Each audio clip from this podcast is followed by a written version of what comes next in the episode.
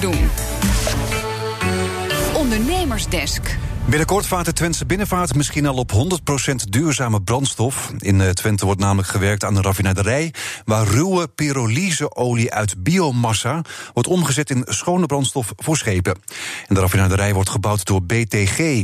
Conor Klerks gaat in gesprek met CEO René Veenendaal. Wat we eigenlijk doen is pakken ruwe pyrolyseolie, daar drukken we wat waterstof in... en uh, daardoor wordt er wat zuurstof uit de pyrolyseolie gedreven... en dan krijg je eigenlijk een... Uh, een uh, hele mooie uh, scheepvaartdiesel. Uw fabriek wordt aangekondigd als de eerste fabriek voor biobrandstof uit pyrolyse. Maar er is ook al een fabriek in Zweden, een spin-off van BTG. Heb ik eerder mee gesproken. Hoe zit dat? Ja, uh, ons spin-off bedrijf BTG BTL die heeft een fabriek verkocht aan een joint venture waar een Zweedse raffinaderij in zit, Priem. En die gaan de ruwe pyrolyseolie co-raffineren in de bestaande olieraffinaderij. Die kunnen dus dan ook een groene diesel, een benzine en kerosine maken.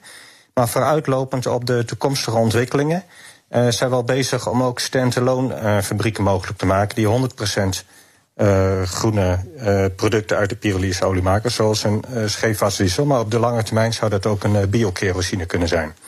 En dit wordt dan een demonstratieraffinaderij. Waarom eerst een demo-model?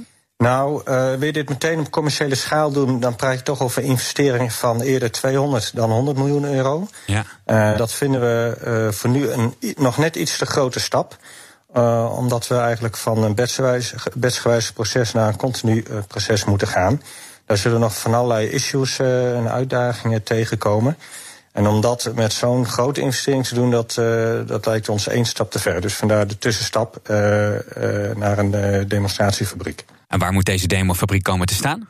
Wij mikken eigenlijk op uh, naast de bestaande pyrolysefabriek in, uh, in Hengelo, in, uh, hier in Nederland. Daar is nog wat ruimte. En het lijkt erop dat we daar dan net voldoende ruimte hebben om deze demo daar tegenaan te plakken.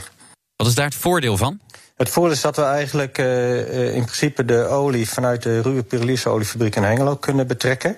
En om kunnen zetten naar die scheepvaartdiesel. Die scheepvaartdiesel kan volgens bijvoorbeeld in de Twentse binnenvaartschepen benut worden. En het aardige is dat je dan eigenlijk ook de ja, een regionale biobased economy uh, heel concreet uh, gaat invullen. Um, maar daarnaast zullen we natuurlijk ook uh, de grote vaart kunnen bedienen met wat grotere testhoeveelheden van deze geavanceerde biobrandstof. En op wat voor termijn hoopt u nou van testmodel naar daadwerkelijke fabriek te gaan? Nou, wij mikken. Ons ideale scenario is toch om in 2025 commerciële fabrieken te kunnen gaan, gaan leveren. Um, nou zullen we onderweg nog wel van alles tegenkomen. Aan de andere kant, we zien wel vanuit de markt dat hier heel veel belangstelling voor is. En uh, de eerste investeerders hebben zich ook al aangemeld. Dus um, ja, het zal even een, een, ja, een optimale balans weer moeten worden tussen wat technologisch verantwoord is qua opschalingsstappen en snelheid. En ook wat uh, de investeerders en afnemers willen. Um, dus uh, en uiteindelijk de periode 2025 tot 2030 zal denk ik ja, er wordt grootschalige uitrol moeten plaatsvinden. Maar als we in 2025 de eerste al kunnen gaan, uh, gaan uh, leveren, dat zou uh, ideaal zijn. En wat is daar op dit moment de grootste uitdaging voor? Ja, die opschalingsstap van uh, ja, wetsgewijze processen, zoals we dat nu doen in onze pilotfabriek bij ons in de proceshal. Naar een continu proces. Nou, dan kom je onderweg nog van allerlei issues tegen. De, de, toen bij Empiro, bij de ruwe pyrolyseoliefabriek in Hengelo, waren er honderden issues uh, op te lossen.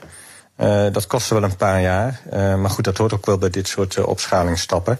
Dus aan de andere kant, nou ja, we zijn klaar voor nieuwe uitdagingen. En dit lijkt ons een hele leuke.